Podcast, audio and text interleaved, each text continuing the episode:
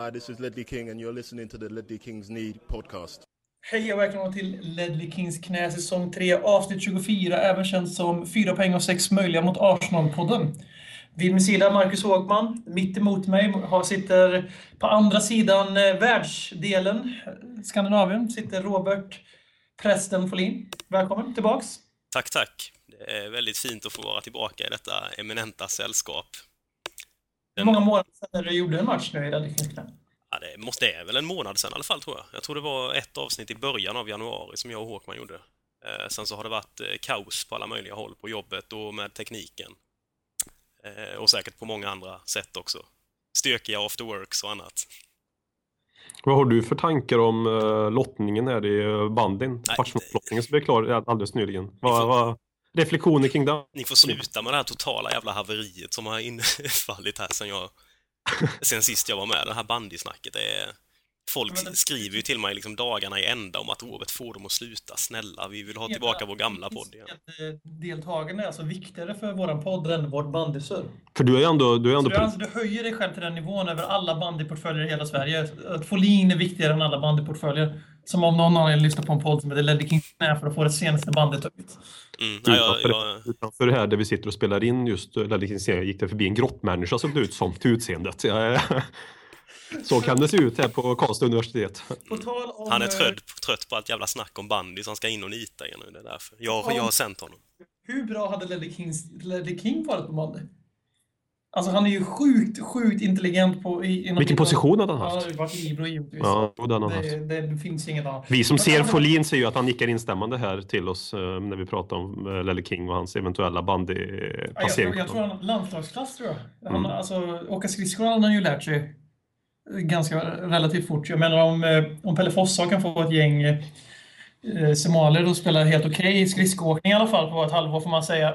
Så måste ju Ledley King som är liksom ett elitidrottsman hade ju fan blivit riktigt jävla vass. Finns det något Ledley King inte skulle vara bäst på i världen? Om man, om man börjar spela golf nu så skulle han väl US Masters inom ett år? Är det rimligt? Finns det någon som heter så? Jag kan ingenting om golf överhuvudtaget. Jag tror att det är någonting som heter så.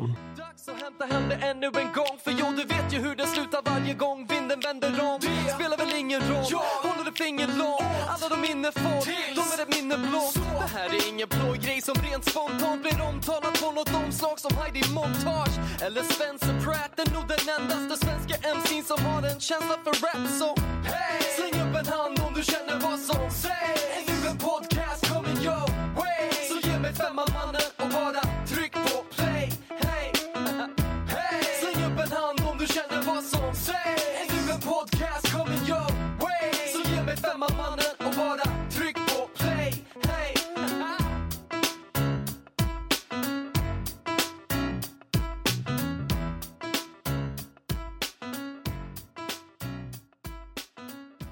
2-1, 2-1, 2-1, 2-1, 2-1. Men det kändes som inte VM, 21. Inte VM 1990. De Utan eh, Tottenham Arsenal 2-1. En, eh, måste vem som helst som har någon som helst fotbollshjärna i hela jävla världen måste erkänna att det var i underkant. Mm, så är det. Definitivt. 4-5-1 var väl närmare... Helt, helt, eh, ett, helt, äh... rimligt. helt rimligt. Så hade 4-1 i alla fall hade varit helt, helt rättvist. Mm. Det var helt rättvisande av Arsenal också. Folin. Comeback sanslöst fin insats var det.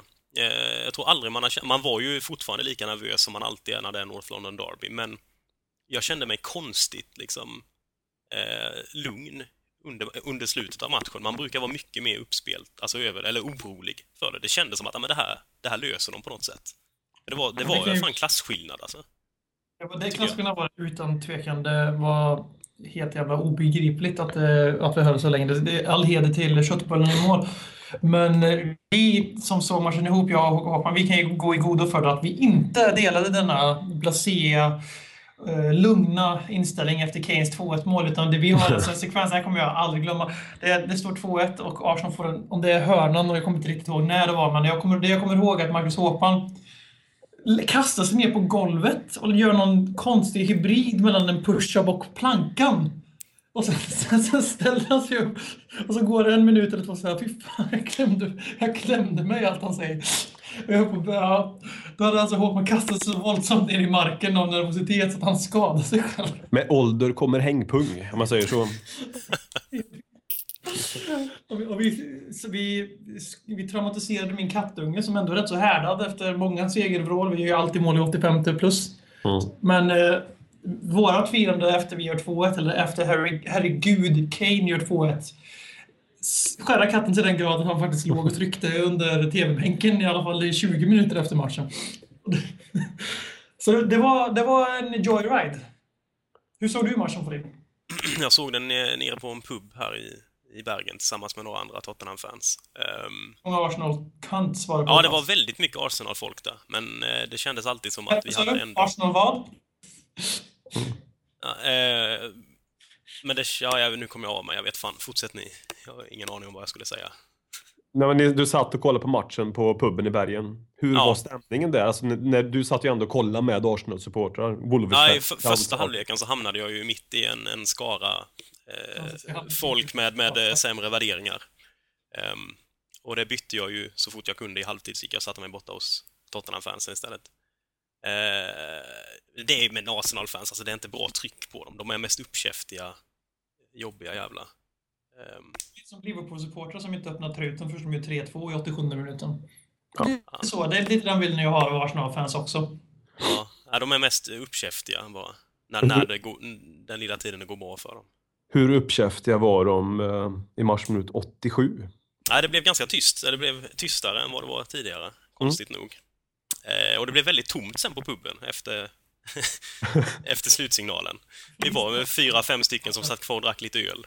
Ja. Ehm, Lite över typ 30 bär- bärs var. ja. Bayern style. Men, nej, men det var... Ja, vad skulle du säga, Håkman? Eh, ja, men det är, alltså, man, får- man, efter den här segern, man hamnar i någon form av eufori liksom. Någon jävla segerrus som håller i sig mycket längre än en normal seger gör. Ja, det var, fan, jag var fan hög tills Ja. i alla fall, ja, tills Liverpool-matchen. Jag var, jag var bakfull på tisdagen Mm. och var helt omotiverad för fotboll för då hade det liksom ruset gått ut. Men helt seriöst, alltså, jag var euforisk i dagar. Det var, det var, det var, det var nice. Ja, det var väldigt... klockren start på en helg också, en sån tidig match.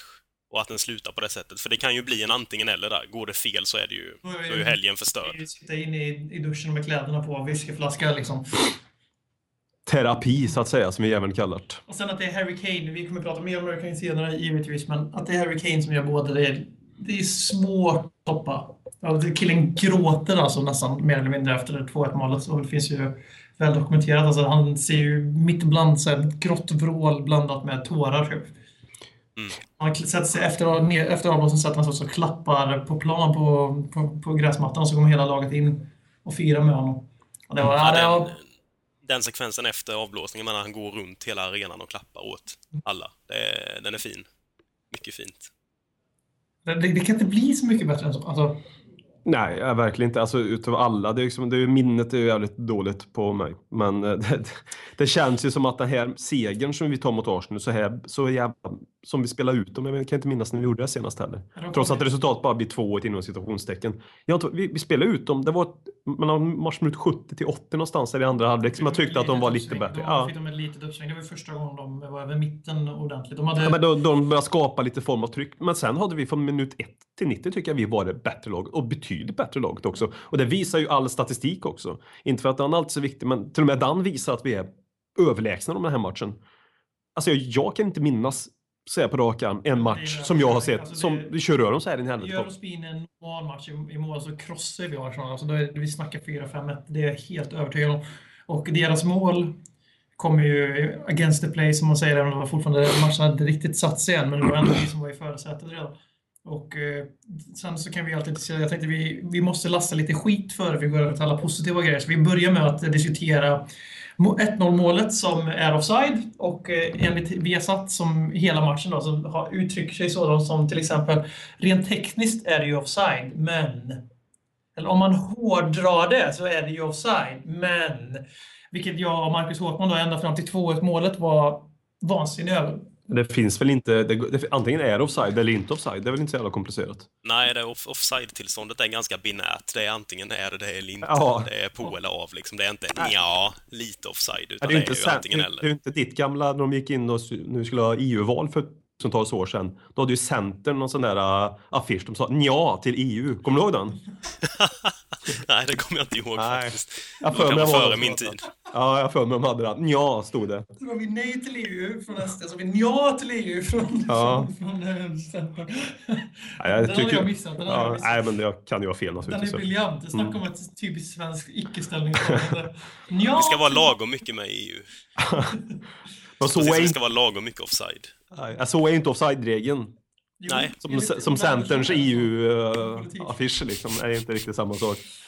Nu är Håkman ute, nu är han hemma, liksom på sin hemmaplan här med politiska uttalanden. Håkman, han gillar ju det. Ja, när vi brukar speciellt när jag har chatten täckning också. för allt som har med politik att göra också. Nej, Bara svinga åt alla håll. För att, eh, vi kan ju dra de rationella. Jo, visst, årsmål, bla bla bla, helt omöjligt att se det och allting, bla bla bla. Men om det är så jävla omöjligt så borde kanske Mesut Özil kanske inte hade väntat i tre sekunder med att fyra för han tittade ut på Linddomaren för han reagerar ju sjukt onaturligt på någon som har gjort ett mål i ett derby. Antingen det eller så är han världens största arroganta jävel som inte, inte ens Arsenal-fansen förtjänar. För han brydde sig i sådana fall inte om att han gjorde mål i ett North London Derby. För alltså han, det var ju bakfullt firande, typ som man gör när man gör hedersamma 17-2 målet i Korpen. Så firade han målet ungefär. Det är kanske svårt att känna någon större glädje när man gör mål för det laget. och sig. Jo, jo, det- han kanske jo, bara är väldigt förståndig och... Vi kanske ska hedra han istället. Då, Ja. här. Han, han jublar åt sin målbonus, ingenting annat. Ja, jo, men så är det ju. Men alltså det här matchen, det, det som imponerar mig rent spelmässigt i den här matchen, det är ju liksom någonting som har börjat växa fram, som jag även tyckte vi såg i matchen som spelades i tisdags till viss del. Men det är pressspelet som sitter så jäkla fint. Pressspelet är också någonting som kommer hämma oss i vår defensiva defensiv, för vi kommer gå bort oss lite grann. Men det är ju också det någonting som... Fyra dagar senare. Jo, men du kan inte få båda delarna att funka till 100%. Men det här pressspelet det out. det här pressspelet funkar ju väldigt, väldigt bra. Och Mason, som jag alltid har lyft fram som eh, en framtida bra innermittfältare, eh, som, inte all, som jag inte alls har refererat till som nästa Jamie O'Hara, löper under sådana... Det, var någon heatmap på honom. Han är ju över hela planen. Han springer överallt. Sen, det är ju hans styrka och det, han, han måste bara säga, han gör det han kan så jävla bra. Ja, den energin han har är fantastiskt Springer och viktig. ser passionerad ut och säljer sig själv väldigt hårt på sociala medier. Han säljer ju One of Our Own medan Lewis Holtby bara var Lewis Holtby. Mm. Alltså han är ju Lewis Holtby nu. Fast en brittisk Holtby. Alltså helbritt. Alltså det är ju... Det är ju Och det räcker för att inte du så gillar riktigt mycket. ja, det räcker. Helt klart. Nej, Alltså, jag, jag står fast vid att han är min favorit nu på grund av hans underbara, lundfeta, lite pastry-fysik för att vara elitidrottsman. Så det, det, han och jag, vi är bröder. Men som alla bröder så bråkar vi och kivas lite. så är det. Så är det. Men vad säger, vad säger din? Det är ju du som någon Han får inte form uttala av... sig om Mason för han är alldeles för uh, bias. Jag vill ändå höra han säga det. Nej, men det man trodde, det är ju den bilden man lite hade fått av Mason innan säsongen av det lilla man har läst honom var att han skulle vara någon slags målskytt och väldigt teknisk och passningssäker spelare. Den biten är ju inte så jättebra som man skulle kunna tro, eller som man skulle kunna tänka sig med tanke på det man har läst om han. Men den här energin och hans arbetsinsats, han känns ju nästan mer som att han börjar bli en balansspelare än något, eller den liksom, inte defensiv, men han är ju minst lika viktig i försvarsspelet som han är framåt, om inte viktigare där. Ja, det är ju mer energin, att han skiljer sig från andra. Alltså, Lamela är ju för fan en Mason också nu för tiden. Till energin. Sämst i jävla världen på att tackla båda två. Ändå tacklar de mest i hela Premier League. Ja. Det är helt underbart. Skillnaden är att Lamela är lite dyr för att vara League One-spelare. Det är det som är skillnaden. Så jag menar... Att säga att det är def, alltså, men, Nej, men- I, i arbetet att vinna tillbaka bollen och när de inte har bollen, då är ju båda de två väldigt värdefulla. Lamela tycker jag också gör eh, än mer mot Liverpool, som vi väl kommer till sen, men Det som, är, det som imponerar, om vi inte buntar ihop dem just nu, men det som de delar är ju deras helt sjuka förmåga att, det här är, ju- att dra på sig tidiga gula kort och sen lyckas hålla sig kvar på banan. Fast, och jag framförallt Mason mot Arsenal, för det, det, det var på riktigt för honom. Det är den där aspekten som man inte kan undervärdera. Alltså för, för Rose får vi väl ändå lov att säga Walker, Mason, Bentaleb till viss del och också framförallt Harry Kane. Att det var, att de brinner för det på ett sätt som smittar av sig något förbannat och det märks. Men just i Ryan Mason, just mot North, i North London Derby, att han lyckas hålla sig kvar på banan är ju fan en bedrift. För han har två, tre stycken där han kommer alltså flygande med sådana här typiska du får gult kort för du satsar för hårt-varningar som det är i modern fotboll. Fast man inte ens är nära att träffa spelaren utan man tar bollen perfekt. Och han kommer in med några riktiga sådana. En gång är han till och med så sen in i tacklingen så jag och Håkman hade liksom redan börjat sagt hej då till mig, så nu är han ute. Och han blir inte ens avblåst för frispark. Det är, helt, alltså det är en bedrift att hålla sig kvar på plan och fortsätta spela på det sättet och inte bry sig ett jävla skit om att man är varnad. Nej, och det, jag tror ju största anledningen till varför vi vinner den här matchen och varför vi kanske möjligtvis vann Chelsea också. Alltså, det är inte bara med Kane. Det har just att jag tror det spelar jävligt mycket roll, de här få procenten till de här får ut i derbymatcherna. För att de fattar någonstans lite mer vad det betyder. Det är ju så jävla skillnad. Ja, men alltså Mason, Kane, framförallt de, alltså även andra som varit där en längre tid, sen de var yngre, de har liksom börjat förstå vad det innefattar och det, som du sa där BM, att det, att, det, att, det, att det smittar av sig till övriga spelare och att det, satt, det har även satts en standard i laget. Att de är beredda att göra detta jobbet för de, de, de märker på resultat att det ger resultat, alltså det här slitet, att det ger någonting. Och det är lite komiskt i matchen att de som får gula kort mot, mot Woolwich, det är Mason, det är Bentaleb och det är Harry Kane. Det tycker jag är lite komiskt. Det är de tre gula vi får och det är på de tre spelarna. Mm. Inte för att gul kort är lika med tecken med eh, passion, men... Jag eh, fråga Down så det var gult kort lika med. Nej, men vi- du är inne på det där. Vi kan ju prata om det där Pochettinos fotboll och eh, framförallt den löpvilliga laglojaliteten som, har, eh, som präglar laget. Ja. Det är, det är kvar att säga egentligen. Men vi snackar, vi, om vi tar de här två förställda stjärnorna, om man, tänker, om man skiter i prestationen bara tänker på, på ytan så är Christian Eriksson och Erik Lamela våra största spelare och de ska ju vara våra fixstjärnor. En av dem har ju, är ju det också. Och tillsammans med Harry Kane får man ju lo- lov att säga. Så är det nu. Och den andra har inte riktigt levt upp till, till sin prislapp, men eh, det är mer om det senare. Men just att de två killarna springer som idioter. Eh, Eriksson har ju sprungit eh, mest i ja, mittfältarna i Premier League, så hoppade för några veckor sedan. Och Lamela mot Liverpool sprang mest på plan. Gjorde mest tacklingar också för den delen. Och det här är alltså två killar som är meningen att de ska vara divor. Men inte i Mauricio Pochettinos Tottenham eller Harry Kanes Tottenham som Erik Niva alltid så briljant säger i deras Ledley Kings knä podd Mm. Alltså det, det är ganska... Det, det, det, är helt, det är häpnadsväckande tycker jag. Alltså, hur, hur orkar de? Och vi har inga skador heller. Pappa, pappa, pappa, ta. Nej, träningen måste ju sitta helt perfekt nu också med tanke på det, för det känns som att den här spelstilen borde slita på spelarna. och visst, vi roterar ju lite, men det är ändå ganska vanligt att, att större delen av lagen spelar, eh, fortsätter spela i matchen efter också. Liksom. Så, nej, Porsche har kanske koll på vad han gör. Men ni är oroliga för att det ska bli som för Southampton, för de tappar ju lite fart på våren. Det beror nog på hur långt vi går i Europa League tror jag. Vi kommer vinna Europa League, så det får utgå från Så är det. Tottenham double det i år. Ja, nej men det är väl den delen då. Ja visst. Alltså hade vi, det är också det här. Det beror ju på vilka vi möter efter vilka typer av matcher. Har man två tuffa matcher på raken som vi har haft nu, då tror jag det märks mer än det kanske gör om vi, hade, om vi råkar ha lite tur i matchprogrammet för att möta ett lättare lag på hemmaplan. Eh, som vi kan gå lite mer på halvfart och ändå slå, om du förstår vad jag menar. Alltså, det krävs ju ändå två toppeninsatser som du gjorde nu eh, för att eventuellt ta fyra eller sex poäng. En annan sak. eh, Medelåldern mot Arsenal var 23,4. Tottenham startade på. Mm. 23 bast. I ett North London Derby. Första North London Derby för ett gäng.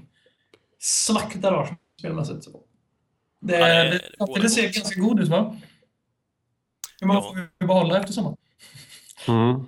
Jag Det- tror, det- alltså det verkar ju på de unga spelarna som faktiskt får spela här också, att de trivs ganska bra. Jag tror inte en sån som Eriksen är någon som kommer stressa bort ifrån Tottenham.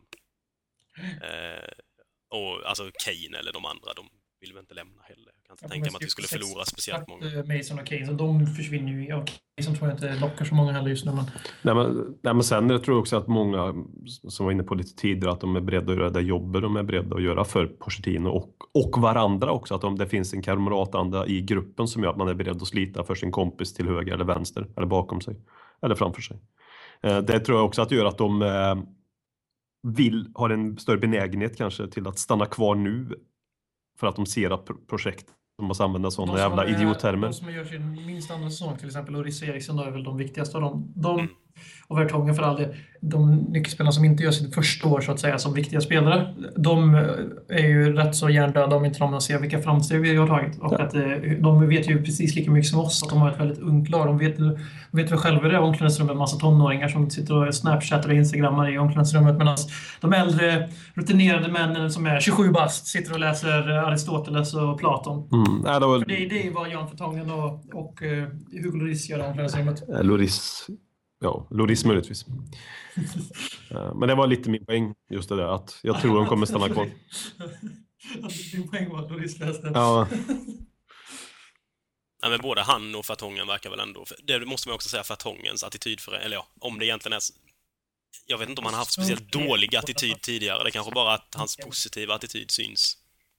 Verkligen. Alltså han har gått från att inte göra så mycket väsen av sig, tycker jag, till att stå ut mycket mer som en ledare där bak. Kan ju också bero till viss del på att han har en Eric Dyer bredvid sig som han känner att han måste leda lite. Eh, Eller att han är den tydliga var det ledaren utav de två. som Tvingar fram grisen nu. Eller? Nej, jag, jag tror att, alltså jag upplever också så att Jan Fertongen har tagit större ansvar. Eh, Jag tror inte bara en synvilla eh, som man blundade för förut och den existerade. Jag tror att det har hänt någonting. Jag tror också att det har att göra med att han börjar ta mer ansvar i truppen och det är någonting som Pochettino säkert har jobbat med. Nu får ju han, nu får han beröm för allting, är Pochettino. Men eh, jag kan tänka mig att det spelar in att det är, att det är lite grann det. man ju också hylla tränaren för allt. Det är ju en balans som ofta glöms bort i dagens. Att man, det är alltid tränarens fel, men det är aldrig tränarens förtjänst. Så det, det var nu lät det som en pik mot Håkman, men det var Mm. faktiskt inte menat så. Nej, det var ju vissa som hyllar Sherwood rätt friskt. ja. Jag. Ja. Enbart jag. Sherwood fick väl Ja. ingen skit, eller? Nej. Nej. Nej. Nabil Bentaleb var inte hans loverboy eller hans lovechild. Ja, det är ju något folk verkligen måste ta tillbaka. Alla Ja. som sa det att Bentaleb bara spelade för att det var Sherwoods guldpojke. Mm. Ja, det, det, Bentaleb hade man ju fel om. Fast jag tror vi i den här podden var ganska balanserade. Vi tyckte att han fick spela för mycket och det var lite fortfarande tuppmätning mellan Sherwood och de äldre spelarna, vilket jag står fast vid idag att det var. Men eh, det får vi tacka och bocka för nu, för nu när det har kommit in en riktig tränare och förädlat Nabil Bentaleb så har han inte oj, oj, tagit oj, oj. Ni ska få se nu när Aston Villa bara växer upp. Om det nu Aston Villa går till. Du ser ju klubbarna slåss ju om en. Ja. Villa, QPR. Ändå, de slåss med honom ända tills han säger att "Men jag vill ha betalt och de bara oh, Nej, men, ja." du ser fort det blir ett, led, fort det blir ett ledigt jobb så är de där och rycker in. Ja. Men han väntar ju in det. Han vill ju ha det perfekta jobbet, Sherwood, så är det ju. Han Han tar kan inte inte ta vilket helst. skit som helst. Nej, nej, nej. Nu spelar jag en roll. Jag blev väldigt besviken när QPR inte tog Tim Sherwood. Jag hade väntat på, jag har faktiskt väntat på att Är det klart vem som är tillbaks. det? Det blir inte honom i alla fall. Det, Då hoppas, då hoppas man ju faktiskt, som jag inte tror att det skulle kunna bli, Chris Ramsey. Jag vet inte. Jag vet bara att det inte Sherwood. av någon. BBC var det som skrev det. Och det för en gång skulle så han klubben före Tim och säga att det inte blir Tim Sherwood. För att, så han kunde inte spinna det till att det var för att han inte var intresserad och såna grejer. fan vad, vad, han har verkligen tackat nej till en två jobb nu känns det Ja, som. alltså, det här var också, som jag fattade vid den här BBC, då var det också till stor del för att han krävde för mycket. Som att han, så att han, så Ja, att, konsekvent i alla fall. Jag, besviken, så jag hoppas han får Aston Villa nu, för sen blir det fan ont om jobb för honom att ta Ja, han bör tacka ja till det. Det är klart vi måste prata lite Tim Sherwood i North London Derby-podden för övrigt. Det är Mm. det är givet. Nu när vi snackar om detta. eh, BBC Sport för två minuter sedan. QPR have appointed Chris Ramsey. Var det så? Who would be your dream manager? Ja. ja, det är ju Chris Ramsey, eller? Vänta, vänta, vänta. Så Fernandes går ut och skriver på Twitter när det inte blir Sherwood att nu har jag hittat min drömmanager och sen så blir det Ramsey som var Sherwoods assistent. Tänk vad en seger bort mot Sunderland kan göra. och snackade upp Sherwood i pressen och sa det här jag, han får jättegärna komma hit och vara min manager. Vi, kan jobba ihop igen. Och nu är det han som tar jobbet. Det här är ju AVB vs Sherwood knivhuggning alltså. Det här är ju vä- ett, Tobroto nu. Ja, det, det, jag tycker Tony Fernandes kanske mer framstår som en eh, idiot. Nej, jag kräver ställningstagande mot Chris Ramsey nu. Jag älskar allihopa som har någonsin varit i Tottenham. Alla utom Sol Campbell. Och E EA10. Ja, Han har aldrig varit i Tottenham inne med historieböcker. Det är kul hur vi har vandrat med från North London Derby till att Ja, men det här är Tony det här är- Fernandes på. Breaking news. Ja, En podd måste vara aktuell. Det blir verkligen breaking Så är news för de som lyssnar på lördag också. Ja, som fan. Ja. Tack för den. Underminera Folin när han gör comeback. Han- Nej, nej, jag bara tänkte mest hur vi spann vidare på det. eh, Men nu gör vi en jättenaturlig övergång och går över till eh, den konkreta frågan från Per Frykebrant som frågade. Han sa i våran chatt, denna omtalade spökchatt, För han är för stor för att ställa frågor i vanliga forum.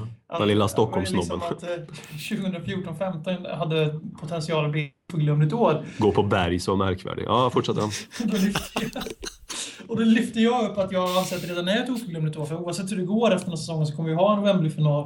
Och Vi kommer ha Harry Kanes sjuka genombrott och vi kommer ha de här positiva månaderna av framstegen. Sen säger jag det nu och sen när vi torskar varenda match nu fram till maj, då kommer jag inte säga det längre. Men det är så det funkar i poddvärlden. Men hur ser ni på det? Hur långt ifrån är vi att man ska liksom komma ihåg den här säsongen länge? Någonstans-. Någonstans när du börjar frågan kvart i fem tills du slutar frågan kvart över fem tappar jag fokus. Eh, 2014 oförglömligt. Ja, nej. nej men det, det, den här säsongen kommer ju vara en, en positiv säsong. Det ska mycket till för att det ska bli något annat än en positiv säsong. Även om vi eventuellt skulle förlora en eh, Wembley-final. Skulle vi vinna Wembley-final, då blir det en MVG-säsong så att säga. Det är ju Harry Kanes stora genombrottssäsong också. Så den är ju så pass bra re- redan hittills så att den ju, kommer man ju komma ihåg som något Det är som positivt. Bales genombrott. Ja, precis. man kommer ihåg Ja. den så vi blev femma. Mm, ja, men så är det. Liksom.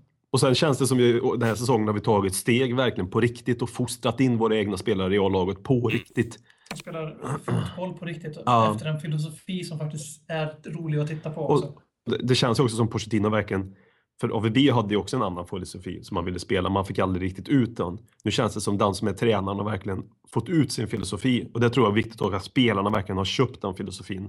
De som inte köpte det rök. Det var ju där Ja. AVB gick fel för han gav ju alla förutom en man och Bajor 100 000 chanser. Jag menar, han fick inte samma backning kanske från Livi heller att, att få den Ja. möjligheten att, att rensa så friskt eh, i, i de leden så att säga. Spelarna hade för stor Det makt Det tidigare. det är nog ganska möjligt. Jag brukar ju ta via, Boa, via Boas rygg. Så det.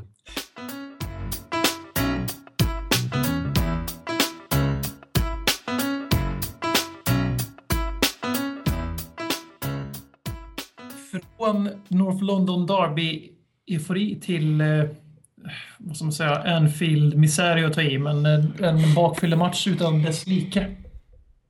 Eller?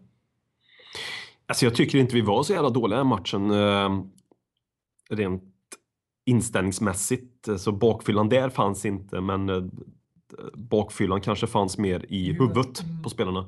Eh, att de inte har laddat om där och då kändes det tydligt på de två sittande mittfältarna tyckte jag. Det är en sårbar position som ofta syns om den inte klaffar också. Eh, Alltså, lika bra som de var mot Arsenal, lika usla var de ju faktiskt mot, mot Liverpool i Ja. första halvlek. Alltså det var... Och det märktes, tyckte jag, framförallt på Nabil Bentalebs passningsspel som han brukar vara solid med. Våran egen lilla sidledsstanne så att säga. Att han, att han, han slår inte bort, nu slog han bort lite bollar och det var man inte alls van vid. Det var ju ett läge där i första halvlek när han slöp mot bollen.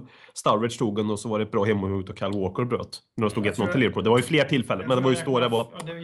Ja, Bentaleb hade ju någon hårresande. Mason hade ju också någon sån här som helt, alltså Kyle Walker på Anfield för några år sedan, hemåtpassningar Mm. som bara, bara flyt och Erik Dyers relativa snabbhet som räddade oss där.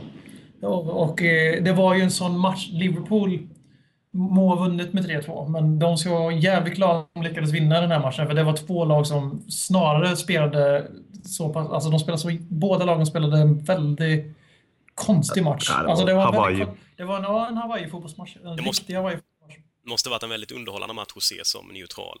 Det kändes som en sån perfekt match som man hade velat se mellan två andra lag.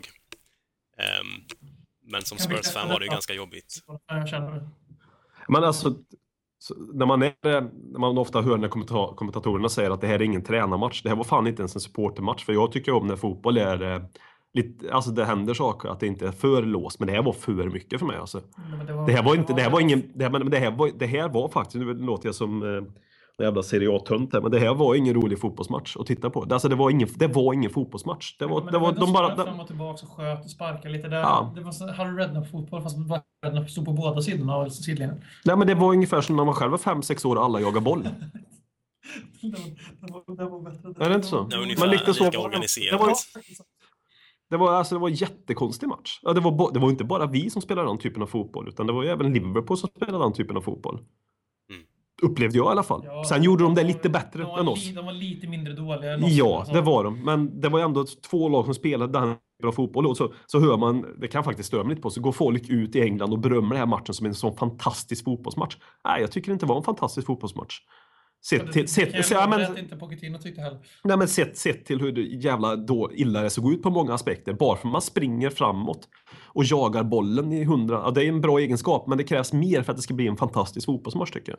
Det här var en handbollsmatch. Men för- försvarsspel, Men är lite också, mål. försvarsspel är också del av, eh, försvarsspel är också en del av fotbollen och det var inte särskilt bra sådant den här kvällen på Anfield. Men, eh, Ja, då menar jag inte bara försvarsspel i backlinjen, men det var hela nej, laget. nej, nej, nej, Det- det var- försvarsspel som, Man löpte inte, man löpte inte, i- man löpte liksom, man löpte för sig själva, alltså mittfältet löpte för sig själv, anfallare för sig själv. Ja, det var väldigt, väldigt, väldigt konstig match. Det var de konstigaste matcher jag sett på jätte- jättelänge faktiskt. Loris släppte ju in ett enkelt mål till exempel, det ser vi inte ofta.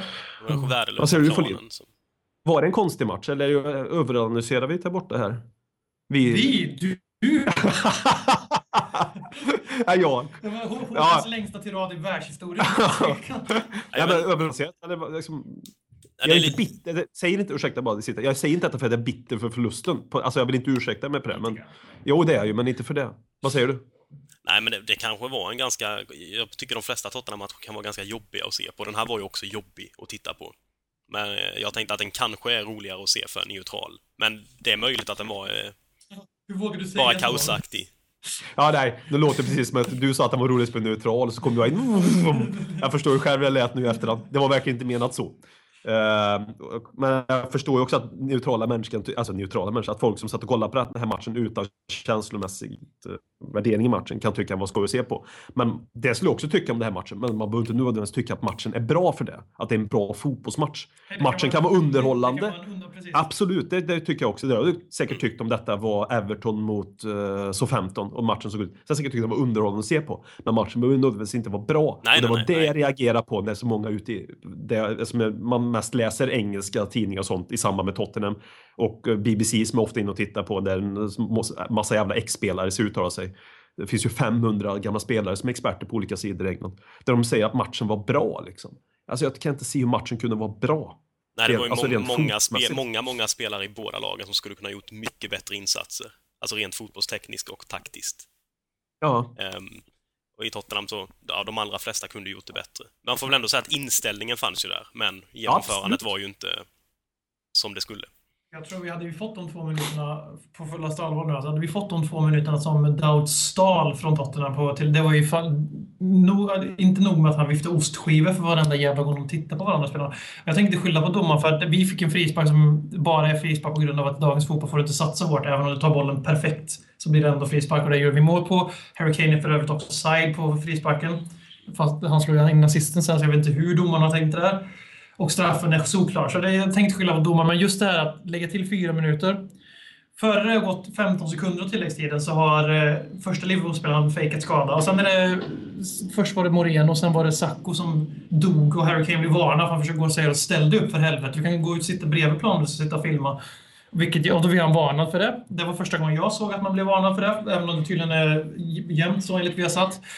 Och sen eh, Liverpool-fansen som inte gav Lloris bollen på säkert 20 sekunder i början när vi, när vi skulle börja spela. Det är väl att Liverpool-fans tycker ju om att stjäla saker, så det var väl därför de inte fick bollen. De stod åh, nu kan vi sno någonting, så det var väl den. Ja, liksom det, det, nu är vi utan tvekan uppe i två minuter med tilläggstid till. Men eh, Daud lägger alltså på 18 sekunder utöver de fyra från början. Det, jag fattar inte att inte reaktionerna var starka. Men den jävla feta äckliga domaren ville väl gå in, han hade väl bränt för mycket kalorier. Så jag stod väl och väntade fyra snickersbitar för den inne efter omklädningsrummet. Det var det som var grejen. Jag tror vi hade gjort 3-3 för att Liverpool var urusla defensivt. Vi hade till vårt, vi hade, när det hade gått 94-18, då hade vi bollen i deras straffområde nästan. Och då blåser han av. Mm. Fast det ska vara minst en och en halv minut kvar om han hade haft någon hjärna. Så då jävlar jag gick igång på det. Jag vet inte varför.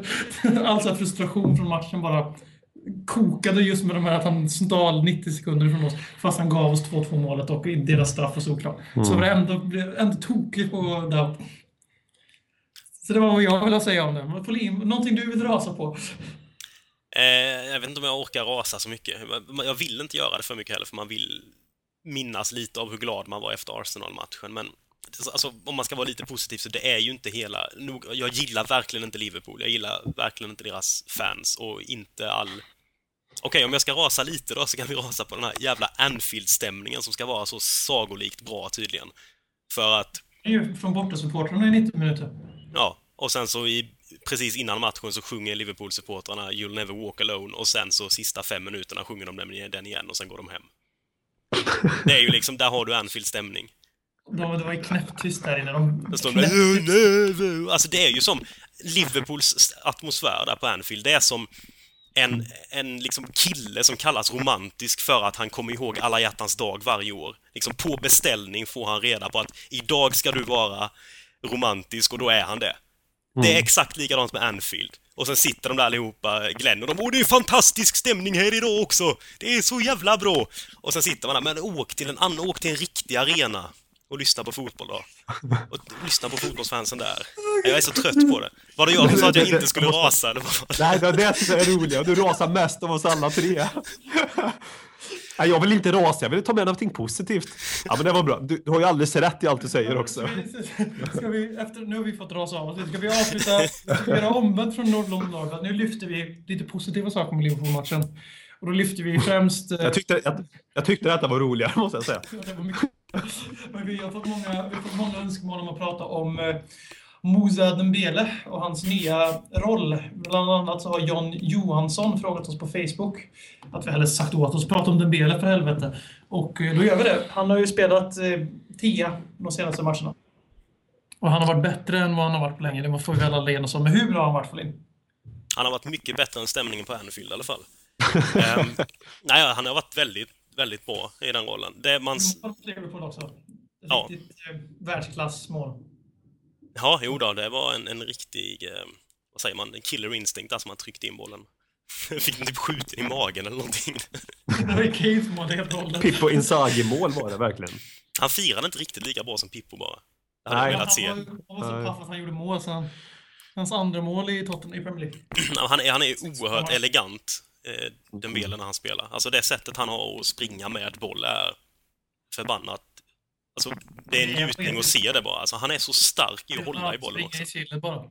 Ja, det är ju där problemet finns. Genomslagskraften. Mm. Men han gör det bra. Alltså det är ju det här att han, han blir ju en liten risk när han spelar lite defensivt för att han, det, blir, det tar för lång tid och det blir mer sårbart där i den, i den ytan. Ja, alltså ja, det blir en yta. Men jag tycker att mot Liverpool var han, eh, jag kommer inte ihåg vem som var bäst, men en av våra bättre i alla fall mot Liverpool. Absolut. Speciellt i första halvleken. tycker han har varit, eh, han har varit konsekvent bra sen Sheffield. Det är ett då han spelade från start. Han var bra mot Arsenal också, även om det tydligen var väldigt delade uppfattningar om hans insats, vilket jag inte riktigt... Jag, Han har ju fortfarande samma svaghet, där det inte alltid går jättesnabbt att spela bollen ifrån sig, framförallt inte framåt. Men jävlar vad han är bra att ha där uppe. När vi har en riskspelare i Christian Eriksen som även om han är väldigt bra på passningsfoten så är det ofta han som försöker slå killer passes och det är hans jobb. Sen har vi till höger av Dembele så har vi Erik Lamela som alltid spelar på små marginaler. Så han behövs där för att trigga upp och vi ska vinna boll och han är duktig defensivt och då vinner han boll högre upp och då kommer han ju närmare plan för han är ju han har verkligen varenda jävla verktyg som behövs för att bli riktigt bra som Tim Sherwood och Chris Ramsey sa. Att han kan spela i Real Madrid om han bara hade killer instinct mer eller mindre. Och så, då är det så. Ja, så är, då är det fan med så. Men eh, ska, han, ska han fortsätta kvar eller ska vi få köra den här trean eller ska Chadli kliva rakt in i laget nu när han blir fritt för 90 minuter? Han har gjort två ganska svaga in också, det jag vilja säga. Jag vill hellre ha Eriksen centralt. För jag tycker Eriksen kommer mer in i matcherna då. Defensivt så blir Danny Rose jävligt ensam också när Christian Eriksson inte tar hem jobbet. Ja. Om man får välja så ser jag hellre Christian Eriksen centralt. Ja, backhand forward, back, backhand forehand, backhand forehand.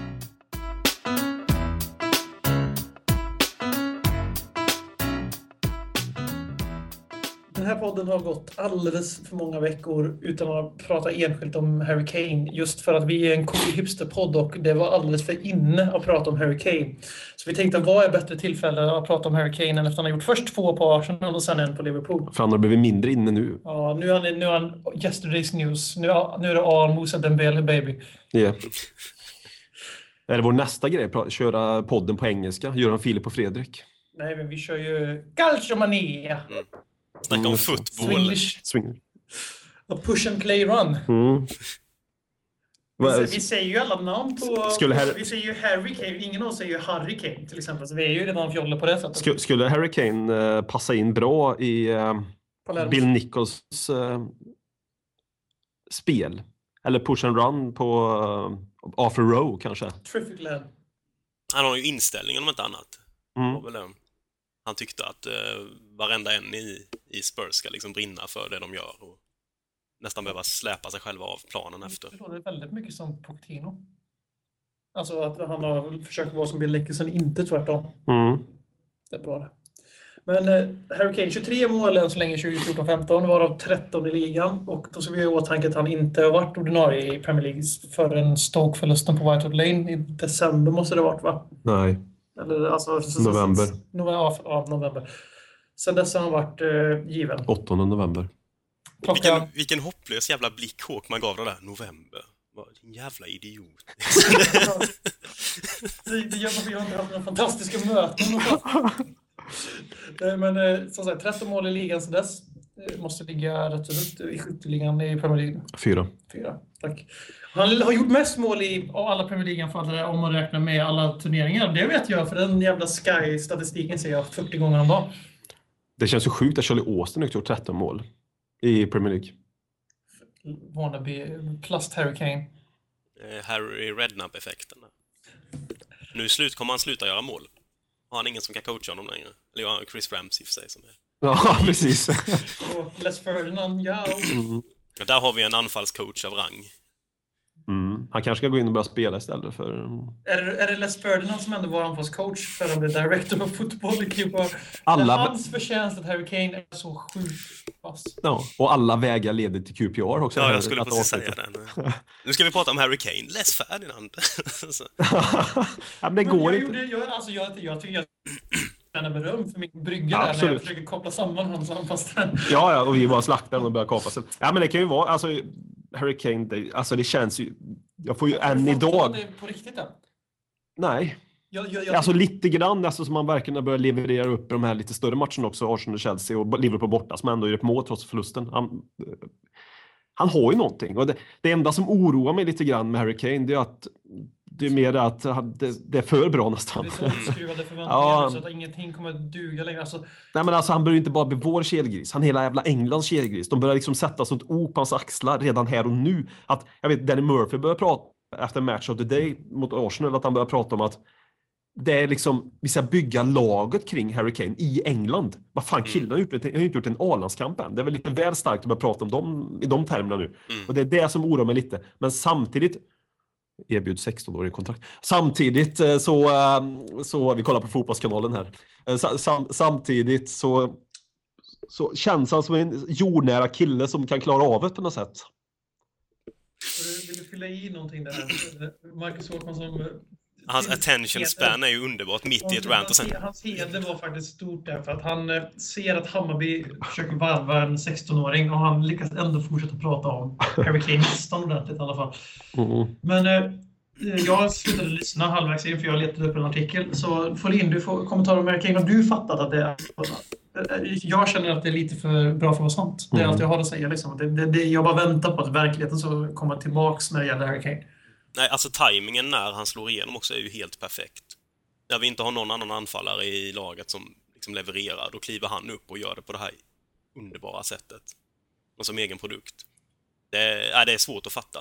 Eh, Och sen är det ju liksom det, han har ju egentligen redan levererat på en sån nivå så att den här målproduktionen hade ju varit mer God- än godkänd på en hel säsong. Ja, ja. För, alltså, för en 21-årig anfallare så är det 13 ligamål på ja det är ju 30 sjukt. matcher. Det är sjukt godkänt alltså. Eh, och Defoe och gjorde väl då när vi slutade fyra 2010, tror jag han gjorde 22 mål på hela säsongen. Så har du Totalt. 2 eller 22 för det laggade 20, 22. Jag bara två. Ja, mm. Nu är du ute och... Eh, och det har ju Kane redan uppe i och förbi väl. Han har väl gjort 23 nu? Eller vad? Korrekt. Vi har Messi som är målhetast i Europa efter 2015 då. Mm. Så länge. Men det känns ju också så nu med Harry Kane att de skulle kunna ge mig vilken anfallare i hela jävla världen. Jag skulle inte vilja ha en. För jag vill ha Harry Kane. Ja men just för att Harry Kane... Harry, Harry, i våran, i våran chatt att när Cavani, att han inte ville ha honom för de var för lika i spelstilen. Och det var, som jag tolkade det, dödsseriöst när du skrev det. ja. Och det, det säger väl en del. Alltså det, Nej men jag, för, jag tycker inte ens att det var idiotiskt. för Harry Kane, det är liksom, jag, jag säger inte att Harry Kane möjligtvis är bättre än Cavani, det är inte det det handlar om. Men, men han är... Nej, vad fan säger jag? Det är klart han är bättre än Sven Ja, men han, han, men han, har liksom, han har byggt ett band mellan supportrar och spelare. Mm. Och byggt band som, alltså det bety, han betyder så mycket mer än bara det sportsliga. Nu är han ju tillräckligt bra sportsligt för att man skulle göra bedömningen. Men det, är- det, det är precis det som jag kommer in på för bra för Rossand. För han är ju både, för först att vi i början av säsongen bara ja, ja, ja, han gör enkla småtjusmål. Men det är ju bra, för man behöver ju någon som gör de målen också. Sen så började killen mot Everton, det kommer vi ihåg. Everton, då gjorde han sin första riktigt Ja. dominanta Premier League-match. Det var också mot ett bra motstånd. Mm. Sen kom Chelsea-matchen där han och Chadli var helt outstanding. Sen Arsenal där han igen bar laget. Och sen Liverpool var så där man gör ändå mål. Så han kombinerar ju de här två samtidigt som han är den här kullspelaren Mm. som är, binder samman läktarna. Alltså, som jag vill inte tycka om att sno saker, men Erik Nive som alltid pratar om dagen vi gick från Adebayors Tottenham till Keynes Tottenham var där och då säsongen vände. Det var där då Mauricio Pochettinos era började på riktigt. Erik Niva har ju också snott saker som att trycka upp matchtröja med Bentaleb på ryggen i, i, Al, i Algeriet. Så vi kan väl sno lite av honom också. Nu fick vi det sagt. Den lilla På gruvpojken. tal, på tal om... Eh, eh, någon, det, det var någon, någon lyssnare, Claes Karlsson, nu fick du din önskan uppfylld där av Marcus Åkman. eh, Kommenterade Erik Nivas krigsförklaring. Mm. Men åter till Harry Kane. Landslag nästa. Det lär det väl oundvikligen bli. Jag menar, det räcker ju oftast med ett mål i Premier League för en brittisk anfallare, eller för en engelsk anfallare för att han ska in i landslaget. Jag menar, Går han förbi Danny Welbeck verkligen? Som- Som väl Victor hela sin karriär. Nej, superironisk. Jaha. Jag alltså, reagerar som försvarsställning. Ja. Ja. Men det är ju så också, det är, just, det är lite roligt, när jag pratar om försvarsställning. Med mitt jobb så är det ju många som tycker att de kan fotboll, 15-16-åringar med Barcelona inpräntat i skallen, som börjar berätta för mig att Harry Kane är inte så jävla bra. De tycker han är lite överskattad och hypad. Och jag känner att jag går verkligen... Det är ju som att någon skulle förolämpa... Jo, men det är ju ungefär som att poängen är. Det är ungefär som att de skulle förolämpa någon familjemedlem för mig. Jag går, vad fan säger du? Så jag går, hur fan kan du säga att Harry Kane är kass? Du har för fan inte sett han spela. Jag kände att jag brann till i skallen på mig. Men hur kan han vara överskattad? Nu, nu vi inte annonsera 15-16-åringar som... Nej, det är ju, nej, men just det här med att du sa att du gick i, jag gjorde kopplingen att du gick in i försvarsställning när jag Ja, sa att det. Och jag, och, men jag gjorde samma sak igår. När de, alltså det är vissa spelare som man känner att, vad fan, man, man har Harry Kanes rygg. Kommer det, kommer det problem Harry Kane så finns och backar upp dig ifall jag skulle vara Ja. en sån möjlighet. Men Så- det gör man inte med alla spelare, även om de spelar i Tottenham. Det är bara så. Det börjar bli så dock med det här laget. Just Ja. nu, alltså Harry Kanes, nu när vi spelar som vi gör nu, när spelarna... Man kan fan inte beskylla någon i laget längre för att inte spela för tröjan i alla fall. Det är ingen som man kan säga så. Och det är ju en sjuk förändring på bara ett halvår får man ju säga. Mm. Ja, och för det, Och det, det är mycket Harry Kane, Ryan Mason och även Nabil Bentaleb och alla som har varit i klubben sedan de var 11, 8 eller 15 liksom. Att det, är, det är klart det är det. Det är ju samma sak som sa- samma person också när vi pratade vidare och sa att jag tyckte inte Tottenham kämpade mot Liverpool. Då blev jag också förbannad. Det var ju precis det vi gjorde mot Liverpool. Attityd. är allt annat. Ja, exakt. Inställningen. vi. Fruktansvärd jävla inställning. Vi var ju nära, vi var ju nära att ta poäng och kunde stulit segern trots att ingenting klaffade för oss. Och Det Nej. säger väl en del om attityd. Ja. vi skulle haft poäng i den matchen. Det hade varit... Ja, alltså, det tycker Men jag. känner, känner, ni det, li- känner ni det samma? Att liksom Harry Kane och kanske några till är spelare som man verkligen... Man blir, man, alltså, man, man blir som en eh, religiös fanatiker. Man, Men de man, är ju våra. Man, förs, man försvarar dem. Det är som när Bale slog igenom och jag försvarade hans filmningar fast jag visste mycket väl att han filmade. Ja, men Bale är-. I mitt, Bale är ingenting jämfört med Harry Kane. Bale är en jävla fitta jämför med Harry Kane. Harry Fast det Kane sa du inte då. nej, det sa jag inte. Jag hade inte... Det, Kane ja, men, ja, då, ja, då blir ju sveket tyngre också. Ja, men lämnar Harry Kane Ja, så kommer ja, sveket bli extremt. Då kommer man lägga fram... Bli överkörd av en buss här utanför. Då får du vänta 15 minuter för de är alltid sena.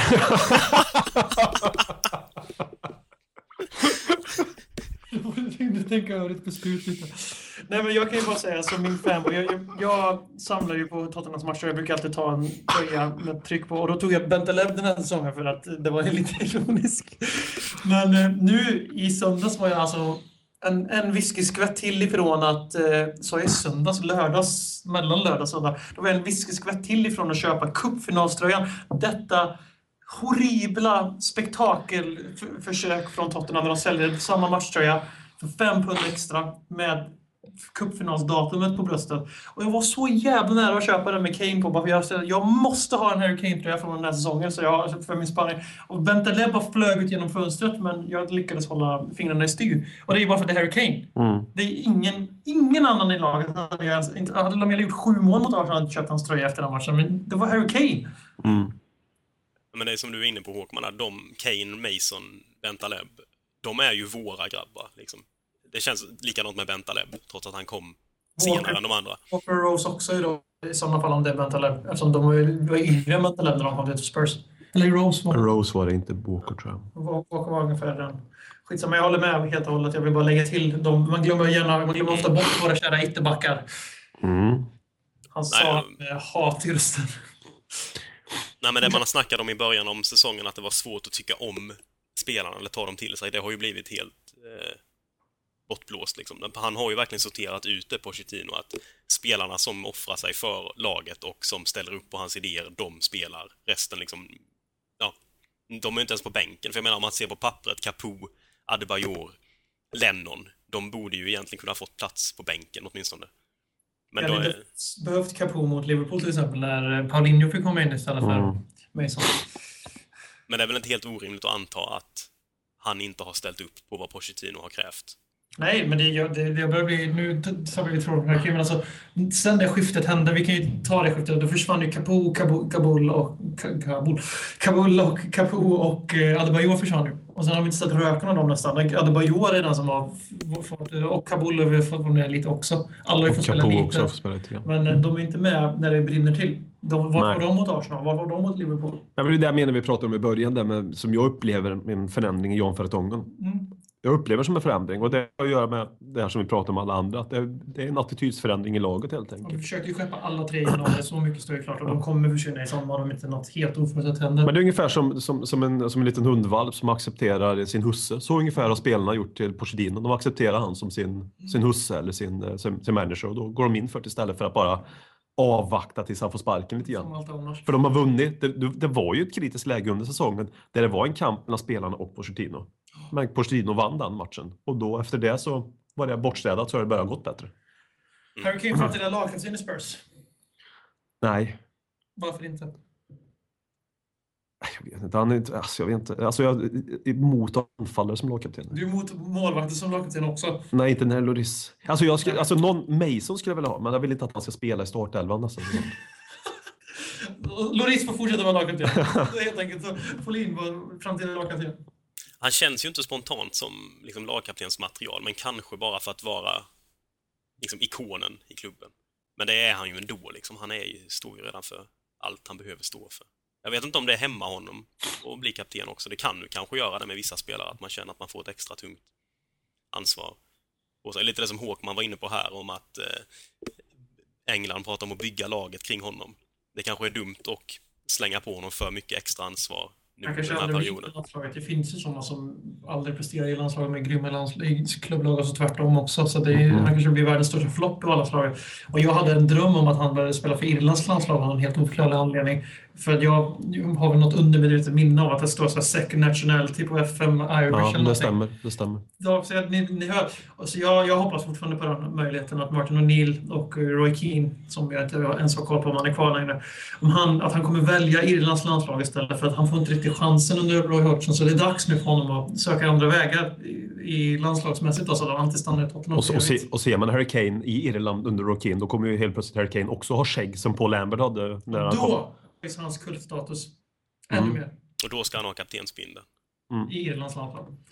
Eh, Men eh, vi, jag, vi går in på fotbollskanalen. Då, vi, då har de alltså gjort en lista där först rubriken är Klara Harry Kane-hypen. Här är spelarna som inte gjorde det. Och då Ja. liknar de alltså våran Harry Kane med bland annat, jag väljer Nu, nu ska vi kåpa, hej jävla. Francis Jeffers, ursäkta mig, Michael Ricketts, Neil Meller, David Bentley och Andy Carroll är de jag väljer ut första. Bara, bara, Jag vill bara säga att det här Francis Jeffer köpte ju Arsene Wenger för en 13-14 miljoner pund ifrån eh, Everton. Någon gång. Det står ju inte där ens. Han gjorde åtta mål i alla fall. Mm. The Fox in the box. Det går ju inte att jämföra med jävla Lallosarna med eh, Harry Kane. Den, den som kanske går att jämföra med dem du räknar upp här, som jag vet inte om du räknar upp en som jag ser framför mig här, det är Andy Carroll möjligtvis. Som eh, för sina 30 miljoner pund gjorde 11 mål för Newcastle. Ja, en men alltså, om man någon ska jämföra med någon av de här tycker jag. Ja, nu gjorde jag sån här typisk, jag som alltid tjatar om att inte väl värdera efter prislappar. Alltså fick jag, fick jag. Men eh, en som, eh, en som liksom verkligen, det är Michael Bridge heter han, som var 21 bast, slog igenom i, i Leeds. Leeds, Mm. och gjorde, 20, gjorde 19 mål eller något sånt där. Som, det är ju någonstans, jag vet, vi får räkna med att han inte kommer ha, Kane inte kommer ha samma sjuka målsnitt nästa säsong, då gör han ju 80 mål, typ Messi-style. Mm. Men att eh, det är klart att vi vet ju inte, men Folino, tror du att han är en sån där flash in the pan som de här jävla losersarna som han jämförs med här? Nej, det tror jag inte, för han har ju... Han verkar ha huvudet och inställningen för det också. Mm. Han, den känns inte som en spelare som svävar iväg och tror att han är mer än vad han är. Som någon ni nämnde på listan, liksom David Bentley. Eh, det känns som att deras mentala eh, inställning är så oerhört... Så han har en, lä en lägstanivå som är, som är omöjlig att bli så låg som de här killarna för att han springer så mycket för sitt lag så han gör alltid nytta. Även om han har en usel dag på jobbet som han har haft, när han har missat allt och inte passat när han borde passa, så har han ändå sprungit så mycket så att de andra har fått ytor till Eriksen som Sheffield United och slår en fantastisk assist också för övrigt. Och den inställningen som Harry Kane har, det är inte alla som har det. det han, har han har skallen till att lyckas. Det, det, kom, det är därför jag tror inte heller han kommer misslyckas. Han kommer ju ha dippar i sin fotbollskarriär. Men jag tror att hans skalle kommer göra att han kommer hålla en hög nivå framöver också. Om det inte händer skador etc. Som det, Michael Bridges var det ju mycket skador som det hände med. Fan, ring inte mitt... Nej, nej men alltså. Du, du har, men bara för att ha den. Det finns ju en skaderisk för Harry Kane. Håkman jinxar sönder Hurricane. Du vet vad som händer nästa match? Mm, ja, då, då blir det bussen. Talkman show, Talkman show, Talkman, Talkman, Talkman show.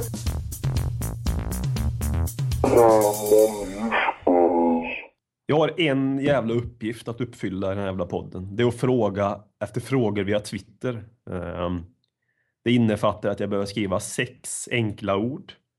Har ni några fantastiska frågor? Som till och med blir fem ord. Till och med där hade jag fel nu. Men idag har jag tydligen fått för mig att skriva Har ni några fantastiska möten? Och så tryckte jag på sänd. Det var ju absolut inte min tanke. Så vi har ju faktiskt fått, istället för frågor via Twitter, har vi fått folk som jag beundrar för berättat om några fantastiska möten de har fått i samband med Tottenham.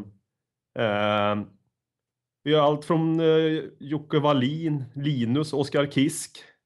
Eh, Apec Triplex har berättat om massa möten. De har träffat allt från... Eh, de missade, Oskar Kisk berättade att han missade Darren Anderton. Han fick plåster på såret, fick han en eh, matchtröja. Eh, signerad utav honom. Eh, Linus fick träffa Defoe i Trollhättan 04 som en lite nykär 12-åring. Eh, vad har vi mer här? Jocke Wallin säger också någonting. Uh, Epic Triplex uh, eh, vet jag inte, han pratar om jävla skit. han blandar för mycket svenska och engelska i Apex Triplex, det blir rörigt i min skalle då. Men helt enkelt, jag har en uppgift och den klarar jag inte av helt enkelt. Så jag liksom avsätter mig i den här rollen som Twitteransvarig nu till nästa gång. Får vi se vad, som, så får vi se vad jag frågar efter då. Tack! Talkman show, Talkman show, Talkman, Talkman, Talkman show.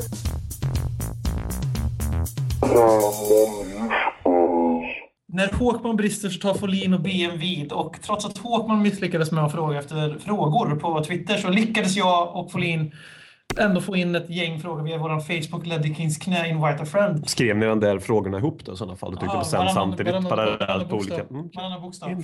Intressant. Och jag tänker börja med den eh, hands down bästa frågan i alla fall den här veckan. Och det, jag tycker om att spela favoriter. Så Magnus, Sundin, Magnus Eriksson, Magnus Sundin, vad fan är?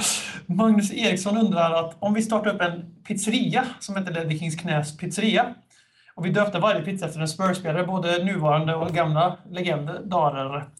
Vilken spelare skulle vara Vesuvion, Capricciosan och eh, har vi någon annan pizza vi vill vända så tar vi varsin. Mhm. Så vi tar kebab. Bara så det är de tre vanligaste pizzorna. eller? Vilka sa du? Alltså? Vesuvio, Capricciosa och... Ja, det är väl de vanligaste. Mm. Okej, då, Håkon, då får du äran att säga vem som är kebab och så får Folin ta Capricciosa så tar jag Vesuvio. Jag skulle gärna vilja ha capricciosa. Okej, du får Capricciosa. Kan vi trada den? Ja, du får ta capricciosan om du vill. Tack så mycket. Folin, vem är Tottenham, Ledder Kings knäs pizzeria? Vem skulle döpa kebabpizzan? Vem, var, var, och varför då? Alltså en kebabpizza känner jag ju, den ska ju alltid leverera på något vis. Alltså du dömer ju lite pizzerian efter kvaliteten på kebaben. Så jag undrar om Harry Kane är vår kebabpizza kanske. Liksom den, det är en, ett pålitligt val. Du kan alltid beställa den eh, och du kommer bli nöjd med, med vad du får. Eller det är så det borde vara. Och då vill jag ha Kane som vår kebabpizza, för den ska liksom alltid leverera. Annars är du, annars är du ute på farligt vatten med din pizzeria. Så Kane är vår kebab det, var väl, nu satte han ribban- väldigt högt här. Eh, jag hade Vesuvion då och eh, det är ju stapelföda på en pizzeria Vesuvio. Det är någonting, och det är precis som kebabpizzan så är det en av de tre pizzorna som alltid måste vara stadig och framförallt Vesuvio är också ett lite tråkigt val och någon som aldrig får den cred han förtjänar för att han spelar på en tråkig position i medias värld är ju Hugo Lloris. Så då skulle våran Vesuvio vara döpt efter Hugo Lloris. Jag vet inte hur vi skulle få ihop det men den skulle leta Pizza Hugo eller någonting. Eh, jag känner väldigt synd att inte jag fick börja. Eh, jag hade valt, jag fick ju capricciosan, nej det fick jag, tog, kidnappa capricciosan. Men jag hade ungefär samma motivering som Folin i min skalle var därför jag gjorde. Jag skulle kunna ta Bentaleb för capricciosan. Du vet ju alltid vad du får. Det är väl det, enligt mig då, som jag ser det nu, det mest stabila och säkraste pi- pizzavalet du kan göra. Som sätter standarden. Kebaben, då kan, kebab, då kan du ju fan få grävlingar och vad fan som helst på köttet. Liksom. Det, Jo, ja, jag tror vi tänkte olika där bara, för jag tänkte jag vill ha Kane som kebaben för att ja, i min värld Kebaben- borde kebaben alltid vara bra. Alltså, är din kebab bra, då, då kommer det gå bra för dig. Det var så jag tänkte. mm. Men ja. jag förstår, vi resonerar lite olika, så jag tycker båda. Ja, och jag tänkte capricciosan är mer- stabil. Ja. Men vi kan ta en lite mer exotisk. Vi kan ta den där pizzan och slänga på curry, banan, köttbullar och det här är alltså en äkta pizza här någonstans i Kronoparken. Köttbullar? Ja, köttbullar, banan och... Banan och curry, inget konstigt. Banan, curry, köttbullar och någonting till där på den. Och det är ju sån här, det är, inte- det är både blandar i Makrill. den här. Den här pizzan... Arsenal-pizzan. Så det var det. Eh, Jag vill också säga att Magnus Eriksson sa att eh, Jennas var Margarita. Sen får, det får man göra vad man vill med den... eh, den eh, Jag känner att alltså, den pizzan, om vi har en pizza som vi bara blandar hej vilt på, det kan liksom bli det, alltså, en sån galen mix bara. Det måste ju vara Tim Sherwood. Så du vet Ja. aldrig riktigt vad Ja, du får i den. Du kan få, eh, du kan få en 5-1-seger hemma, du kan få Chadli och Paulinho på. Ja, du kan bli magsjuk lika väl. Ja, precis. Det kan gå hur som helst. Men det, det kommer vara en jävla resa. Jag, tänk, jag tänkte på Ginas här. Någonting som jag tänkte på Ginas, så han har ju slutat spela fotboll. Dan gick under radarn. Var det någon som eh, var observant när han slutade? Det var väl efter eh, de gick upp QPR? Ja, Det var kontraktet där- gick ut och han har inte fått Ja, någon han var väl skadad. Men någonting jag är imponerad av Ginas, när man ser Ginas nu, han var ju också med i eh, Match of the Day där, då när, efter Arsenal, då Danny Murphy, Jeremy Ginas och Gary Lineker satt, alla tre gamla Tottenham-spelare. Eh, men Ginas är väl ändå nu, han är född 83 tror jag, ska bli, ska, 31 ska bli 32. Fan, han har ju inte åldrats sitt jävla skit på 14 år snart. Han, bor han i ett syretält, karln? Eller vad är det? Ja, väldigt gott skick, han. Har ni tänkt på det med Jeremy Ginas? Nej, jag har inte tänkt på, på just det faktiskt. Men det har du en poäng i. Scapolinho inte fick det slut han förtjänade av sin fotbollskarriär. Mm. Och att den eh, brasilianska Ginas kommer få ungefär samma öde. Misstänker jag i alla fall Tottenham-mässigt. Ja, inte utseendemässigt i alla fall. Nej. Nej. Var det Ginas också som hade refererat till Tottenham som We på Twitter också, rätt nyligen? Ja, Mm. Jag tror det var i matchen mot Arsenal eller någonting. Okej. Ja. Jag har för mig det var Ginas. We is us, som en eh, viss portugis hade sagt. Niklas Björn undrar vad som hände med Musa Yahya, eller Jaya. Alltså en ung nigerian tror jag han är, som, vi, som det ryktades om tidigt i somras, 17 barre. Och jag har totalt glömt bort vad den här människan var. Så ja, vad hårt man gör ironiska tecken i luften när jag säger åldern på denna man. Han är född den 16 december 1997 och han spelar left wing. Eh, jag googlade och såg att Tottenham i september sökte efter en engelsklärare till, engelsklärare till Jaya, Jaya. Och att eh, han, för att han skulle lära sig att communicate better with his teammates. Och att han har tränat med Spurs sedan i juli. Sen, inte, sen tyvärr vet inget mer om det. Har ni någon info här? Jag hittade bilder på Google med honom i Tottenham-kläder. Så han med i årets matchställ. Så att han är fortfarande en del av klubben skulle jag utgå ifrån. Det jag har hittat om honom är att han är utlånad till eh, Celta Vigo. Och där ska han vara tills han fyller 18, för då kan han få arbetstillstånd i Storbritannien. Ja.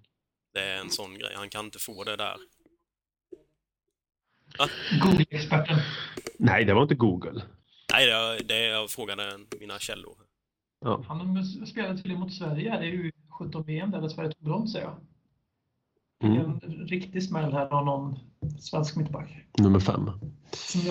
Ah, skitsamma. Tyvärr, det- så Niklas så vet han i Celta Vigo och väntar tills han blir myndig så att han kan få han, han, alltså, han är utlånad från Spurs dit. Ja. Man lär väl inte få spela så mycket i den A-truppen. Ja, det är ju oklart. Nej, Då hade det kommit Mm. upp mer på Ja, Google. så är det. Så är det, så är det. Eh, Joakim efternamn, en trogen fråga här på Facebook. Eh, Frågar Marcus Håkman om SM-guld till Bayern eller en titel, alltså till Spurs, vilken tid som helst. Vad händer först? Vad som händer Du först? behövde inte välja det. Det var snällt av honom. Ja, det var väldigt jävligt snällt. Du har fått ett SM-guld med Bayern. Du kan ju fan inte mer jävla grönliten guld. Bara Spurs, helt all the way. Jag svarar att de har en punkt. Nej, varsågod. Svara på riktigt. Ja, det känns väl realistiskt som att eh, det blir en, en titel till Tottenham för Men om vi, realistiskt. torskar, Alltså. om vi torskar Chelsea, är det verkligen realistiskt då? Alltså cupfinaler är svåra att ta sig till och ligan kommer inte Spurs vinna före Bayern tar SM-guld. Eller? Nej. Nej, jag vet inte. Folin, du får... Jag vill inte- jag vill inte- Vad tror, vad tror du? Att Tottenham tar en titel innan. Tack. Nu fick vi ett riktigt svar. Eh, eh, Ted Ström vill att vi ska prata om Nabil Bentalebs framfart och vi sa väl en hel del om den, att han var väldigt, väldigt bra mot Arsenal. Assist i matchavgörande målet. Mindre bra mot Liverpool. Uh, någonting vill lägga till om Bentaleb där? För vi går över till hans andra del av frågan. Capricious. Capricciosa, precis. Just det, vi har ju döpt en pizza efter Nabil till och med. Han får inte mer spotlight i det här avsnittet nu. Ted vill också att vi ska prata om Erik Lamelas insats mot Liverpool, 4 plus. Och Johan Lager vill också att vi ska snacka lite om Lamela och hans förvånansvärda, fantastiska defensiva spel. Han vinner ju massvis med bollar ute på banan. Och då jag är världens största Lamela-fan och st- fan var jag hela rummet eh, tapetserat med hans eh, bilder bara överkropp så får ni två prata om Erik Lamela. Ja, Folin. Känns det bra? Jo, det, kän, det känns bra. Jag skrev ju faktiskt det till er under Liverpool-matchen, att hans eh, arbetsinsats är väldigt imponerande. Mm. Eh, jag tror det som gör att... Eh, Göra två assist och tackla 12 gånger istället för 6 gånger. det skrev jag sen, ja. Nej, alltså det är det som imponerar men det är ju den inställningen han har i alla matcher de senaste tiden och eh, som är, det går ju inte att gnälla på, som vi sa om övriga Tottenham. Inställningen han visar upp är ju beundransvärd. Ja, Och jag har gnällt en del på eh, Lamela. Eh, och jag har väl fortfarande lite svårt med vissa delar av hans spel. Men det man inte kan anklaga honom för är ju att, att han inte skulle ge allt. Det gör han ju verkligen. Alltså det, mot Liverpool speciellt tyckte jag han var, eh, han var helt makalös i sin inställning. Han sprang ju på allt. Och det är ju Mm. inte det, han gör ju inte alltid allt rätt. Men det, det gör ju ingen där.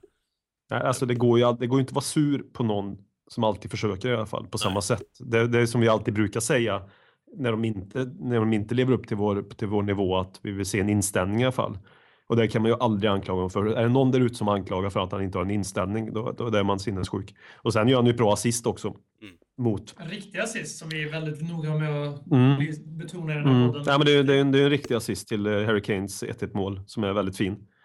Eh, så fan, det, det, man borde ju ändå kunna se någonstans. Millimeter ifrån ett riktigt jävla praktmål också. Mm. Det, det var ingen dålig räddning av Minolet där som förhindrar Lamela från att bli riktig matchhjälte. Mm, mm.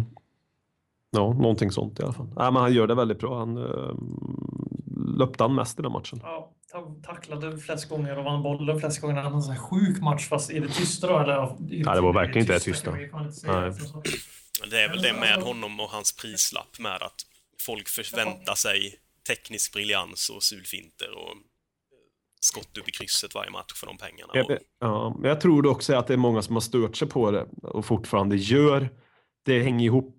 Grunden är till prislappen som är grunden till allting. Sen, sen är det någonstans att hans, att hans duttande till och från med bollen och hans, eh, hans eh, lite grann Alltså det, det vi gnäller med Andrews Townsend, att han skjuter hela tiden och inte, och inte tar fel beslut. Det kan det bli ibland med hans duttande lite för många. Som det blir med andra spelare. Men han, han, liksom, han kom in fel i Tottenham. Han kom in... Han liksom, blev symbol för ja, precis, och då- Ja, men det- men det är lite- som hackkycklingen mycket, mycket orättvis. men nu, nu känner jag att det inte är riktigt på samma sätt. Nej, men Som är tidigare. kvar. Ja, ja, ja. Det negativa bedömer man på insatser och inte prislappar och förväntningar. Men det, det, Svårt att priset, säga att pri, är där. nej, men prislappen, jag, jag tycker ju till skillnad från det, prislappen har en viss betydelse man väger in en spelare, en bedömning på en spelare. Sen ska man inte bara stirra sig blind på den, men det säger ju någonting. Köper man någon för, eh, för 2-3 miljoner pund och han lyckas jättebra ut så är det ju, liksom, är det, ju det. Det säger också någonting, det blir mer och mer en lyckad affär på något sätt. Alltså jag tycker det är inte helt oviktigt med prislappen. Det ska inte, det ska inte han kritiseras för, det är det jag menar. Men det säger någonting om det- det- prislappen. det- det- Förväntningarna Ja. skruvas efter prislappen. Men han ska inte få är skit för han, precis. han har inte valt att bli såld för 30 miljoner pund. Och med totsumman då vill jag bara säga nu. Jag så inte, eh, om det är nu med alla bonusar och jada jada jada. Nej, och det med prislapparna, det, det, den är ju högst relevant när man ska utvärdera om det har varit en bra värvning eller inte. Men den borde ju inte vara relevant för Pochettino när han känner att, okej, gjorde, gjorde Lamela en bra match i förhållande till vad vi betalade för dem eller inte? Utan han ska ju tänka, gjorde han en bra match i förhållande till hur jag vill att han ska spela? Och det tror jag verkligen, det tror jag Pochettino är väldigt nöjd med hos Lamela, att han, han, Ja, han ger det, han, han spelar det uppoffrande spelet som han vill få. Mm. Så, så det, sen kan man ju också dra lite, alltså han kostar 30 miljoner pund max summa. Eh, han var 20, eller han fyllt fyllt 21 när vi köpte honom. Han kom från 15 mål och 10 assist från Roma den säsongen. Gareth Bale var dagar ifrån att bli såld. All, hela världen visste att Gareth Bale skulle gå för miljarder. Eller för, för miljarder nu tror jag. För miljarden. för miljarden. Och eh, hela världen visste att vi var desperata på en ersättare. Det blev Lamela som fick den rollen. Sen gick han paj och var trasig mer än halva första säsongen som var en kaosår för hela klubben. Det här är hans första riktiga säsong i Tottenham skulle jag hävda, precis som jag skulle säga om alla som fick hoppa in i fjol. Men framförallt Lamela som, som fick spolierade och skador. Och han springer hur mycket som helst. Han har gjort mest assist i laget tillsammans med Chadli. Han eh, har, slår mest nyckelpassningar i laget tillsammans med Eriksen. Liksom, jag tycker faktiskt att i Erik Lamelas fall så är det bara för att han kostar 30 miljoner pund som han inte får alltså, hyllningar. För att han har gjort en jävligt bra säsong för att vara så pass grön. Så jag tycker alltså han är 22 bass. Han, han, han får inte samma förutsättningar att bli bedömd som de andra som är i hans ålder. Jag, jag tror också om man ska vara krask att det är andra, andra liksom, inte bara 30 miljoner pund. Jag tror hans uppsyn också är större det folk. tror jag också faktiskt. faktiskt. Nej men så vara helt ärlig. Jag tror också, om jag ska vi har ju båda två hatat på hans Lakers-bilder. Ja, han är ju sjukt provocerande. Så det, det, det, det, det, Alltså det är, ju- det är ju Instagram-bilden man hatade mest under hela det 2014. var han, han full kid wanker för Los Angeles Lakers. Jag kan fortfarande inte förlåta honom. Nej, men jag- alltså inte bara för den bilden. Jag tror det är någonting med att du vet i England förväntas att alltså Andrews, anledningen varför Andrews Townsends eh, bland engelsmän tror jag som inte jag har någon backning för, men jag går enbart på jag hör från andra människor att, att, han, att han blir så hyllad är ju för att han har ett annat driv i steget. Men han gör ju ingenting annat rätt. Och då blir han hyllad för det för att han löper på en boll som är på väg att rinna ut utanför sidlinjen. Så har ju Lamela också blivit lite grann nu. Är det väldigt mycket så. Så jag tror det är därför, det är enbart därför också. Man ser fotboll på ett annat sätt i England också. Alltså, men, eh, för Det är därför man hyllar Liverpool och Tottenham som en terrific Alltså, match. Men för att avrunda skulle, han, var, han är på gång på riktigt nu sen Burnley när han gjorde en riktigt bra match. Och sen blev han tyvärr skadad. Men sen dess, när han kom tillbaka från den skadan, så tycker jag att han har inte gjort en dålig match sen dess. Alltså. Inte jättebra varje match heller, men det är ingen som är det. Förutom Harry Kane och Hugo Lloris. De är alltid helt, faktiskt, de har sjukt bra lägstanivå de två. Han har, han har hittat någon form av norm i Det, Tottenham. det börjar klicka lite nu för jag hoppas att vi kan få lite, att han kan få lite flax också. Så att istället för att Mignolet gör en, sin enda bra räddning 2014-15 så släpper han in nästa gång. Men eh, det återstår att se. Jag, jag är i alla fall glad att det börjar balanseras ut lite det gäller honom. Mm. Men det, det är min högst personliga fanboy-åsikt. Eh, sen ytterligare en fantastisk fråga här. Eh, Victor Lindholm. Om fotboll skulle spelas av tio människor och ett djur, vilket djur skulle ni välja och på vilken position skulle djuret spela? Jag kan tänka mig att en vessla som nummer 10 inte skulle vara så dumt. Förslag? Alltså den, den, den här frågan, är- ja, nu är den den bästa frågan 20 Ja, den här är helt underbart bra. En tupp skulle jag välja. innan. Vad sa du du skulle välja? En tupp. Och varför? Så en ettrig jävla tupp. Som bara springer och blir hyllad. Så du vill ha, du vill ha Andrews Townsend på? Mm. Folin, ett djur och vilken position? Just det, det glömde du säga. Vilken position skulle tuppen spela på? Ja, högerytter då, fast jag vill ha en som vänsterytter. Men du har redan en bra spelare där ute på vänsterkanten, så du måste... Vilka som får in en- in Townsend peak? Du är fan bäst på det här. Alltså. Du, du vinner podcasting. Folin, varsågod. Följ upp det. Ja, det är svårt att plocka, ta det här på uppstuds. Alltså, har inte du någon BM? Jag behöver fundera Alltså, lite. någon, någon sån klassiker skulle vara att slänga in så här grizzlybjörn på mittfältet eller något sånt där som skulle döda motståndare. så liksom, varsågod och ha världens bästa centrala mittfält. Om jag har en grizzlybjörn som hugger ner alla dina tre mitt centrala mittfältet med sina klor och som blir utvisad, so what? Du har gjort alla dina byten. Så något sånt där, annars skulle det vara kul att se typ Jag, jag funderar på en, vad fan heter de på svenska? Meerkat? En eh, väst, nej, surikat. surikat, precis. De har alltid koll på allting, liksom väldigt bra uppsikt och så, någonstans långt bak i, i planen som mittback. Står där liksom och De står så här och tittar. håller koll på allting.